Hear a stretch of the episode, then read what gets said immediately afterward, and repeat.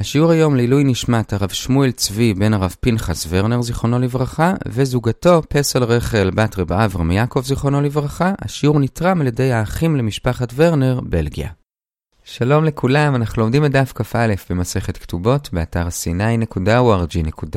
אנחנו מתחילים את הלימוד במשנה בסוף העמוד הקודם ונסיים במשנה בכ"ב עמוד א', שיעור היום יהיה 17 דקות. היום אנחנו ממשיכים בנושא של קיום שטרות, ולגבי זה נחלק את השיעור לשני חלקים, את החלק השני נחלק לעוד כמה סוגיות.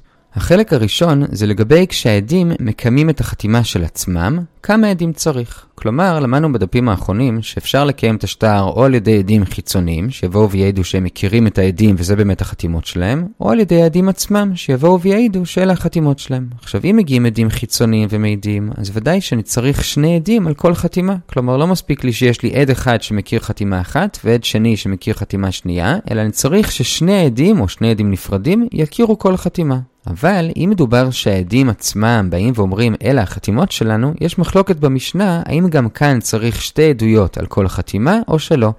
רבי אומר שצריך, ולכן הוא אומר שאני צריך שכל אחד מהעדים יעיד גם על החתימה של השני, ואם הם לא מכירים אז צריך להביא עוד עד שכן מכיר, כך שעל כל חתימה יהיו שתי עדויות. לעומת זאת, תנא קמא אומר שכל עוד הם מעידים על החתימה שלהם, אז עדות אחת מספיקה, והם לא צריכים להעיד גם על החתימה של השני.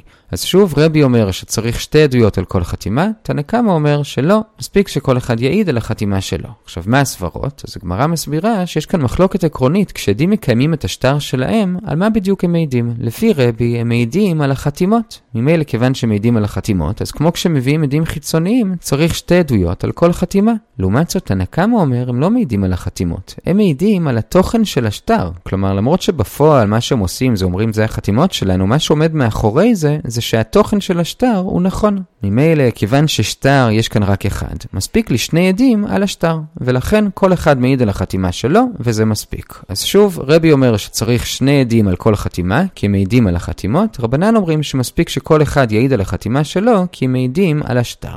עד כאן המחלוקת וההסבר, עכשיו נראה על זה שלושה דיונים, לא בדיוק לפי סדר הגמרא.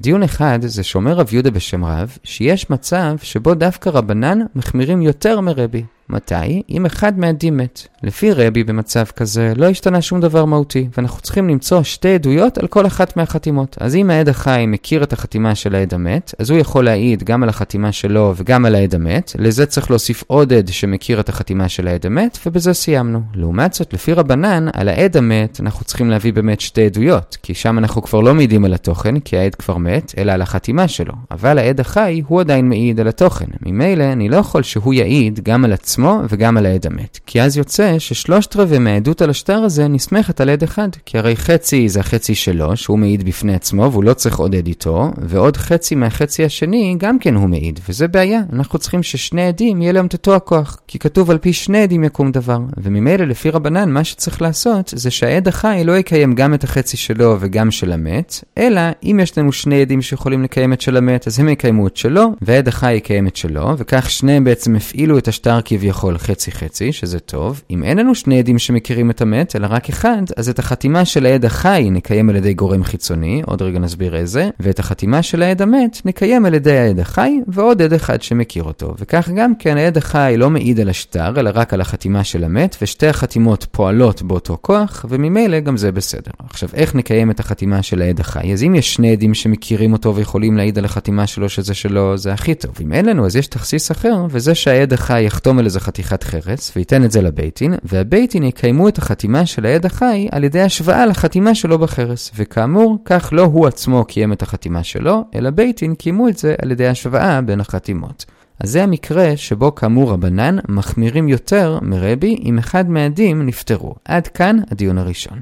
הדיון השני זה לגבי הסבר המחלוקת. אמרנו מקודם שהגמרא הסבירה שלפי רבנן הם מעידים על השטר, לכן מספיק שכל אחד יעיד עדות אחת. לפי רבי הם מעידים על החתימות, לכן צריך שני עדים על כל חתימה. עכשיו על זה שואלת הגמרא, פשיטא, ודאי שזה ההסבר. עונה הגמרא, נכון, זה ההסבר, אבל היינו יכולים לחשוב שכשרבי אמר את זה, הוא לא אמר את זה בוודאות, אלא מספק. כלומר, יכול להיות שהוא מתלבט בין שני צדדי המחלוקת, וממילא יכול להיות שכשהוא מחמיר ואומר שצריך שתי עדויות על כל חתימה, הוא מחמיר מספק. וממילא במקרה הקודם הקודם שאמרנו שבו גם רבנן מחמירים, אולי גם רבי יחמיר, כי כאמור אולי הוא מסתפק. לכן הגמרא חידשה שרבי לא מסתפק, אלא מבחינתו ההסבר הנכון באופן ודאי זה שהם מעידים על שתי החתימות. וממילא במקרה שהזכרנו מקודם שרבנן מחמירים, רבי יקל, כי הוא לא מסתפק, אלא זה ודאי. זה הדיון השני.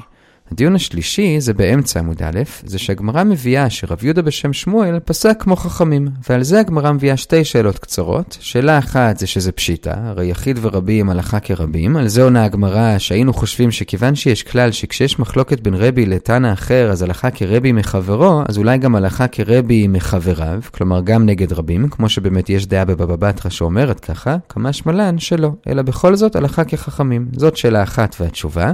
שאלה שנייה זה שהגמרא מקשה איך אתה אומר ששמואל פוסק כחכמים אם מסופר שהבית דין של שמואל עצמו קיים שטר בשיטה של רבי, כלומר שכל עד קיים גם את החתימה שלו וגם של העד השני. עונה הגמרא, באמת באופן כללי הוא פוסק כרבנן. שם זה היה מקרה מיוחד שליתר ביטחון הוא עשה גם כרבי, כי הוא פחד שאולי יש בתי דין שבכל זאת חושבים שהלכה כרבי, ושם היה מדובר ביתומים והוא לא רצה שאיזה בית דין אחר יעשה להם צרות, לכן הוא קיים להם ליתר ביטחון גם בשיטה של רבי, בשביל שכל בתי הדין יקבלו יקבלו את הקיום, אבל באמת לדעתו מספיק כמו רבנן שכל עד יעיד רק על החתימה שלו. עד כאן הדיון השלישי, שכאמור רב יהודה בשם שמואל פוסק כחכמים, ובזה הגענו לשבע שורות לפני סוף עמוד א', וסיימנו את החלק הראשון של השיעור. החלק השני גם הוא לגבי קיום השטר, הפעם נתמקד בדיינים שמקיימים את השטר, ונחלק את החלק הזה לארבע סוגיות. עכשיו, לפני שנתחיל נקדים שהתהליך של קיום השטר זה שהמלווה בא בפני שלושה דיינים, והוא מביא איתו את עדי הקיום, במקרה שמקיימים על ידי עדים. העדים מעידים שזה החתימות שלהם, או שהם מכירים את החתימות, ואז הדיינים מאשרים את השטר. איך הם מאשרים? הם כותבים עליו אישור, זה נקרא הנפק או אשרת עדי דייני, והם חותמים עליו. מה הנוסח של ההנפק? הם כותבים, במותיו תלתה כחד האבינה, ישבנו במושב של שלושה דיינים, ונפק שטר הדא קדמנה, יצא השטר הזה לפנינו, ועטו פלוני ופלוני והסהידו החתימות ידיו, באו פלוני ופלוני והעידו על החתימות, וישרנו וקיימנו כדחזי, אישרנו וקיימנו אותו כראוי. זה מה שהם כותבים על השטר, ומעכשיו השטר הזה מקוים. עכשיו, זה שהשטר מקוים זה עוד לא סוף פסוק, כי עדיין הלווה יכול לטעון שגם ההנפק שכתוב על השטר, גם הוא מזויף, ואז המלווה יצטרך לקיים גם את ההנפק, כלומר לגשת לדיינים ושהם יאשרו שזה באמת החתימות שלהם, או למישהו שמכיר אותם, או להשוות עם כתב, רק שעכשיו עם ההנפק זה יהיה לו הרבה יותר קל, כי קל למצוא את הדיינים, וגם אם לא, קל למצוא מסמכים שהם חתומים עליהם, ולכן יהיה לו יותר קל לאשר, וזה היתרון של שטר עם הנפק על פני שטר בלי הנפק. עד כאן ההקדמה, עכשיו כאמור לגבי הדיינים נראה שלוש סוגיות. הסוגיה הראשונה זה האם קיום של עד וקיום של דיין מצטרפים. כלומר, מה קורה אם מלווה מוציא שטר שיש עליו גם חתימות של עדים וגם הנפק עם חתימות של שלושה דיינים, והלווה טוען שהכל מזויף, גם החתימות של העדים וגם של הדיינים. אז המלווה לא צריך לקיים את הכל, הוא יכול לבחור או לקיים את של העדים או לקיים את של הדיינים, וממילא זה מוכיח שהשטר הזה כבר קוים. עכשיו, הבעיה של הלווה במקרה שלנו זה שהוא מצליח לקיים רק חתימה אחת של העדים וחתימה אחת של הדיינים. את כל השאר הוא לא מצא, לא אותם, לא מסמכים שלהם ולא אנשים שמכירים אותם. והשאלה היא, האם זה מספיק? כלומר, האם אפשר לצרף את זה שיש לו בעצם שני קיומים, קיום אחד של עד וקיום אחד של דיין, כאילו שיש לו קיום שלם. רבא וגם אחרי זה רמי בר יחזקאל ורב אשי אומרים שמה פתאום, הרי כל אחד מהקיומים זה על משהו אחר לגמרי. העדים זה על עצם העסקה, הדיינים זה על זה שקיימו את השטר בפניהם. זה לא שני דברים דומים, הם לא יכולים להצטרף. לעומת זאת, רב יהודה בשם שמואל וגם רמי בר חמא והמיימר הסכימו שהם כן יכולים להצטרף. למה? אז הראשונים אומרים כי סוף סוף המטרות של שני הקיומים האלו זה שהשטר הזה הוא אמיתי, ממילא אפשר לצרף אותם ביחד, יש כאלה שמצרפים את זה שכל הצורך בקיום זה רק דרבנן, לכן מקלים, בכל אופן לדעתם אפשר לצרף. עד כאן הסוגיה הראשונה. הסוגיה השנייה לגבי דיינים זה בשורה השישית בעמוד ב', וזה לגבי מה קורה אם למלווה אין עדים לקיים את השטר, אבל במקרה הדיינים עצמם מכירים את החתימות והם יכולים לקיים את השטר. אז לגבי אם שלושתם מכירים, עוד מעט נזכיר, אבל מה קורה אם שניים מתוכם מכירים והשלישי לא? אז אומרים בשם רב שהשניים שמכירים יעידו בפני השלישי, ואחרי זה שלושת הדיינים יחתמו על ההנפק. עכשיו הוא מדגיש שהם צריכים לחתום רק אחרי שהשניים העידו בפני השלישי. זה מה שאומר רב, עכשיו על זה נראה שתי הערות. הערה אחת זה שהגמרא מתקנת תיקון קטן לפי רב פאפי, ואומרת שזה לא מספיק שהם יחתמו רק אחרי שהשניים העידו בפני השלישי, אלא גם צריכים רק לכתוב את הכל אחרי שהם העידו. כלומר, אי אפשר לכתוב את הנוסח לפני שהוא מעיד בפניהם, ואז הוא יעיד והם יחתמו, כי אז כשהם כותבים, זה נראה כאילו שהם כותבים שקר, כי הרי הוא עוד לא העיד בפניהם, אלא קודם הוא צריך להעיד בפניהם, ורק אחרי זה גם כותבים וגם חותמים. זאת הערה אחת.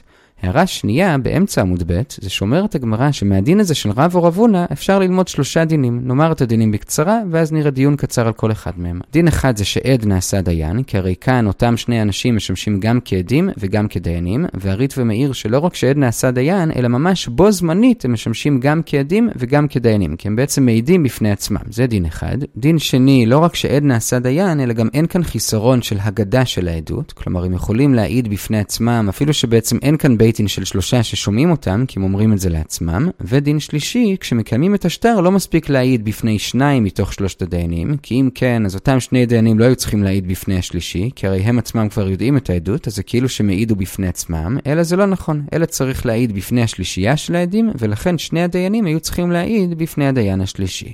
אלה שלושת הדינים, שוב עד נעשה דיין, ואין צורך בעדים אחרים, אלא גם זה נחשב אגדת עדות, אפילו שהם בעצם כביכול מדברים לעצמם, אבל מצד שני, כן צריך להעיד בפני שלושת הדיינים, לא מספיק רק בפני שניים. עד כאן שלושת הדינים, עכשיו נראה דיון קצר על כל אחד, את שלושתם הגמרא מנסה לדחות, את הראשון היא לא תצליח, את השני והשלישי היא תצליח. אז לגבי הראשון, עד נעשה דיין, מקשה הגמרא למה בקידוש החודש יש לנו דין מפורש שהוא בדיוק נגד זה. כלומר שם, אם יש שלושה דיינים ושניים מתוכם ראו בעצמם את הלבנה, הם לא יכולים להעיד לדיין השלישי וזהו, אלא צריך לצרף עוד שני דיינים, ואותם שניים שראו יעידו בפני השלישייה. כלומר, עד לא נעשה דיין. עונה הגמרא, שם זה דאורייתא, אצלנו זה רבנן, כמו שהזכרנו. בדאורייתא, עד לא נעשה דיין. אבל כאן, שכל הצורך בקיום הוא רק דרבנן, הקלו ועד נעשה דיין. זה לגבי הדין הראשון, ניסינו להקשות ותרצנו. לגבי הדין השני והשלישי, הדין השני נזכיר זה שלא צריך להגיד את העדות בפני מישהו אחר, כי הם מגידים כאן את העדות בעצם לעצמם, והדין השלישי שכן צריך להגיד את העדות לפני שלושה דיינים, לא מספיק לפני שניים, את שני הדינים האלו הגמרא דוחה ואומרת שיכול להיות ששני הדינים נכונים דווקא כאן, ששניים מהדיינים יודעים והשלישי לא יודע. למה? כי אולי דווקא אז מצד אחד אנחנו מסתפקים בשני הדיינים שיודעים ולא צריך להביא עדים אחרים, כי זה נחשב אגדת עדות, כי בכל זאת יש כאן מישהו אחד שלא יודע והוא כן מקשיב להם, אז נחשב שהם מגידים את העדות אל הדיין השלישי, ומצד שני, דווקא בגלל זה אולי יש כאן אגדת עדות בפני שלושה דיינים כביכול, כי אם הם לא יגידו את העדות בפני הדיין השלישי, אז כאמור יהיה כאן חיסרון באגדת העדות. זה דווקא במקרה כזה שיש שני דיינים שיודעים, ואחד לא. אבל אם למשל שלושת הדיינים יודעים, אז יכול להיות ששם יש כאן חיסרון של אגדת העדות, ונצטרך להביא עדים אחרים, והם לא יוכלו להעיד לעצמם. ומצד שני, אולי במקרה רגיל שבו שני עדים באים בפני שלושה דיינים, אולי הם לא צריכים להעיד בפני שלושת הדיינים, אולי באמת מספיק שיעידו בפני שניים, ורק במקרה שלנו היה צריך שלוש, כי כאמור היינו צריכים שיהיה אגדת עדות, ואם לא היו אומרים בפני השלישי, זה לא היה נחשב כאמור אגדת עדות. כלומר אומרת הגמרא, אולי המקרה הזה של שניים שיודעים והשלישי לא, זה מקרה מיוחד, ואתה לא יכול ללמוד מכאן את שני הדינים שרצית ללמוד, גם לא את הדין שאין צורך במה שמוגדר כאגדת עדות, אלא באמת אולי כן צריך שהעד יעיד בפני דיין אחר, שהוא לא הוא עצמו, ומצד שני, גם את הדין שרצית ללמוד שצריך לומר בפני שלושת הדיינים, אולי גם זה לא נכון, אלא באמת באופן כללי מספיק בפני שניים, ורק כאן צריך את השלישי בשביל אגדת העדות. אז בזה דחינו את שני הדינים שרצינו ללמוד, ועד כאן ההערה השנייה בסוגיה השנייה בחלק הזה, לגבי כששניים מהדיינים מכירים את החתימות והשלישי לא. בזה הגענו לשלוש שורות לפני סוף עמוד ב', ואנחנו עוברים לסוגיה השלישית. הסוגיה השלישית זה מה קורה אם תוך כדי הדיון על קיום השטר, פתאום מגיעים שני עדים ואומרים שאחד משלושת הדיינים הוא בכלל פסול לעדות. עכשיו, באיזה פסול מדובר? אז אם מדובר בפסול של ייחוס, כלומר ששני העדים הביאו איזושהי הוכחה שהדיין הזה הוא בעצם עבד כנעני למשל, אז זה לא בעיה. שני הדיינים האחרים יכולים לבדוק את העובדות, לחפור בארכיונים ולהוכיח שהוא לא עבד כנעני, ובהנחה שיהיו להם הוכחות טובות, אז זה מתקבל, וממילא גם ההנפק ששלושתם חתמו עליו הוא בסדר. אפילו שאת ההוכחה על הכשרות של אותו דיין, הם עשו רק אחרי ששלושת הדיינים כבר חתמו על האישור של השטר. זה אם מדובר בפסול ייחוס. אבל אם שני העדים שהגיעו טוענים שהדיין השלישי פסול בגלל שהוא היה גזלן, כאן זה קצת יותר בעיה לשני הדיינים האחרים להוכיח שהשלישי דווקא בסדר. למה? כי כאן, בניגוד לענייני ייחוס, שאפשר להביא ראיות ממסמכים או מאנשים לכאן ולכאן ואפשר להוכיח בצורה ודאית, לגבי טענה שמישהו גזלן, כאן יותר קשה להוכיח. זה פשוט נסמך על עדים ומול עדים. כלומר, יש שני עדים שאומרים שאותו דיין הוא גזלן, ולעומתם יכולים שני הדיינים האחרים לטעון שהוא לא גזלן. עכשיו, אם זה מה שהם יטענו, אז עדיין עדיין לא נוכל להכשיר את אותו דיין, כי יהיה כאן תרי ותרי, כלומר שני העדים מול שני הדיינים, ובמקרה כזה הוא עדיין יישאר בספק. אלא אומרת הגמרא שהדרך היחידה לשני הדיינים להציל את אותו דיין שלישי, זה לא לטעון שהוא לא גזל, אלא לטעון, נכון, הוא היה גזלן, אבל הוא עשה תשובה. ואז ממילא הם לא סותרים ישירות את שני העדים שבאו לפסול אותו, וכך הם יכולים להציל את הכשרות של אותו דיין. אז זה איך הם יכולים להציל אותו. ועכשיו, על זה אומר רב, גם זה מוגבל בזמן. וזה דווקא אם כל הסיפור הזה קרה לפני שהדיינים התחילו לחתום על ההנפק. אבל אם חלק מהדיינים כבר חתמו, אז עכשיו הם כבר נוגעים בדבר. למה? כי יהיה להם לא נעים אם פתאום על שטר שחלק מהם חתמו, פתאום יטענו שאחד מהדיינים הוא בכלל גזלן. ממילא יש להם אינטרס לומר שהוא לא גזלן, ממילא הם נוגעים בדבר, ולכן הם כבר לא יכולים להכשיר אותו. אלא כאמור, הם יכולים להכשיר אותו רק אם הטענה הזאת נגד הדיין השלישי קרתה לפני שהדיינים התחילו לחתום על ההנפק. עכשיו זה כאמור דווקא לגבי כשטוענים לגביו שהוא גזלן. אבל אם כאמור טענו לגביו שהוא עבד כנעני, את זה אפשר לעשות כמו שאמרנו גם אחרי כל החתימות. כי כאן הנושא זה לא כל כך עדות מול עדות, אלא ראיות מול ראיות, וכאן הנגיעה בדבר שלהם פחות משפיעה, כי הם פשוט צריכים להביא מסמכים, ואת זה אפשר להביא גם כשהם נוגעים בדבר. עד כאן הסוגיה השלישית, לגבי מה קורה אם פתאום באים עדים ואומרים שאחד מהדיינים הוא פסול. הסוגיה הרביעית והאחרונה לגבי קיום השטר על ידי הדיינים, זה בשורה הרביעית בכ"ב עמוד א', וזה מה קורה אם שלושת הדיינים ישבו לקיים את השטר, ופתאום אחד מהם מת תוך כדי הדיון. אז אם הוא מת לפני שהם שמעו את העדויות, אז כמובן צריך להביא דיין שלישי. אבל אם הוא מת אחרי ששמעו את העדויות, ורק עוד לא חתמו על הקיום, אז לא צריך להביא דיין שלישי, כי סוף סוף היו כאן שלושה דיינים ששמעו את העדויות, אבל יש עדיין בעיה טכנית קטנה. הרי אמרנו שהניסוח שכותבים על ההנפק זה במוטב תלתא כחד אבנה. כלומר, ישבנו מושב של שלושה דיינים. עכשיו, הבעיה היא שאם יכתבו את זה, אבל למטה היו חתומים רק שני דיינים, כי הרי אחד מת, אז אנשים יראו את זה ויחשבו שיש כאן בעיה, אולי באמת לא היו שלושה דיינים. לכן, יש כאן שני פתרונות. רבי זר אומר בשם רבי אבא, שהם פשוט צריכים להוסיף במותיו תלת אהבינה, באמת ישבנו במושב של שלושה, וחד ליתוהי. אחד מהדיינים נפטר, וממילא יהיה מובן למה חתמו רק שניים. זה פתרון אחד. פתרון שני, אומר רב נחמן בר יצחק, אפשר גם לכתוב תוספת בהמשך הניסוח של ההנפק, וזה שכתוב שם, ונפק שטר הדא קדמנה, יצא השטר הזה לפנינו, ואז על זה להוסיף את המילים בית דינה, כלומר בית דין, ועל ידי זה מבהירים לכל מי שיראה את ההנפק, שהם היו באמת בית דין, כלומר שלושה, וזה שחתומים רק שניים, אז אנשים כבר יבינו לבד שכנראה קרה משהו לדיין השלישי. זה הפתרון השני, אבל זה הגמרא מקשה, עדיין זה לא מספיק, כי הרי יש דעה של שמואל, שלדעתו באמת מדאורייתא מספיק בית דין של אחד או שניים, ורק מחכמים צריך שלושה, ובאמת לפי שמואל בדיעבד, אם דנו בית דין של שניים, הדין דין. אז אמנם הלכה לא כשמואל, אבל יכול להיות שמי שיראה את ההנפק הזה יחשוב שזה שהם כתבו בהנפק שהם היו בית דין, אולי הם באמת היו רק שניים, והם כתבו שהם בית דין כי הם פוסקים שלא כהלכה, כמו שמואל, ששניים זה בית דין. לכן הגמרא מתקנת את ההצעה הזאת, והיא אומרת זה לא מספיק באמת לכתוב היינו בית דין, אלא היינו בית דין שדן בהוראתו של אחד מגדולי הדור. למשל, בדורו של רב נחמן בר יצחק, אז יכתבו שהיינו בית דין שדן בהוראת רב אשי, בדורות אחרים יכתבו את גדולי הדור שלהם, וממילא כל מי שיראה את זה יבין שמן הסתם אותו גדול דור לא פסק כשמואל, כי הרי זאת לא הלכה, וממילא כשהם כתבו שהם היו בית דין, אז ודאי שהם היו בית דין של שלושה, וממילא כנראה שהשלישי פשוט נפטר. אז זה הפתרון השני, איך להבהיר שלמרות שהם היו שלושה, אחד נפטר, ובזה סיימנו ארבע סוגיות לגבי הדיינים שמקיימים את השטר, והגענו למשנה בכ"ב עמוד א', נעצור כאן, נחזור על מה שראינו. המשכנו היום לעסוק בקיום שטרות, וחילקנו את השיעור לשני חלקים. בחלק הראשון ראינו מחלוקת לגבי מצב שעדים מקיימים את השטר שלב הם עצמם חתומים. לפי רבי, כל אחד מהם צריך להעיד גם על החתימה שלו וגם של העד השני, כי בעצם הם מקיימים את החתימות, וממילא צריך שתי עדויות על כל חתימה. לפי רבנן, לעומת זאת, לא צריך, כי הם לא מקיימים את החתימות, אלא את התוכן של השטר. ממילא מספיק שני עדים על התוכן. זאת המחלוקת, על זה ראינו שלושה דיונים. דיון אחד זה שיש מצב שבו רבנן יחמירו יותר, וזה אם אחד מהעדים מת, שלפי רבנן העד החי לא יכול להשתתף בקיום של החתימה של העד המת, כי אז יוצא ששלושת רבעי מהשטר מקוים על פיו, לפי רבי אין בעיה כזאת. דיון שני זה שהגמרא שואלת פשיטה על ההסבר של המחלוקת, ועונה שהיינו חושבים שאולי רבי אומר רק מספק, וממילא במקרה שהרגע הזכרנו הוא גם יחמיר כמו רבנן, כמה שמלן שלא, הוא מקל. דיון שלישי, רב יהודה בשם שמואל פוסק כחכמים, למרות זאת מסופר שבפועל כשהוא קיים שטר הוא קיים את זה כמו רבי, כלומר שכל אחד העיד גם על שלו וגם על של חברו, אבל זה היה דווקא בשטר של יתומים, הוא רצה להיות בטוח שכל בתי הדין יתייחסו לזה כמו שצריך, אבל באמת לדעתו לא צריך. זה היה בחלק הראשון. בחלק השני התמקדנו בדיינים שמקיימים את השטר, ולגבי זה ראינו ארבע סוגיות. סוגיה ראשונה זה האם קיום של עד אחד ודיין אחד יכולים להצטרף בשביל לאשר את השטר, לפי רבא לא, כי הם מעידים על שני דברים שונים, לפי רב יהודה בשם שמואל כן. סוגיה שנייה, אם שניים מהדיינים הם עצמם מקיימים את החתימות, ויש עוד דיין איתם, אז הם צריכים להעיד בפני הדיין השלישי, ואז שלושתם יחתמו על השטר, על זה הערנו שתי הערות. הערה אחת, הם צריכים גם את הכתיבה וגם את החתימה לעשות רק אחרי אותה עדות ולא לפני.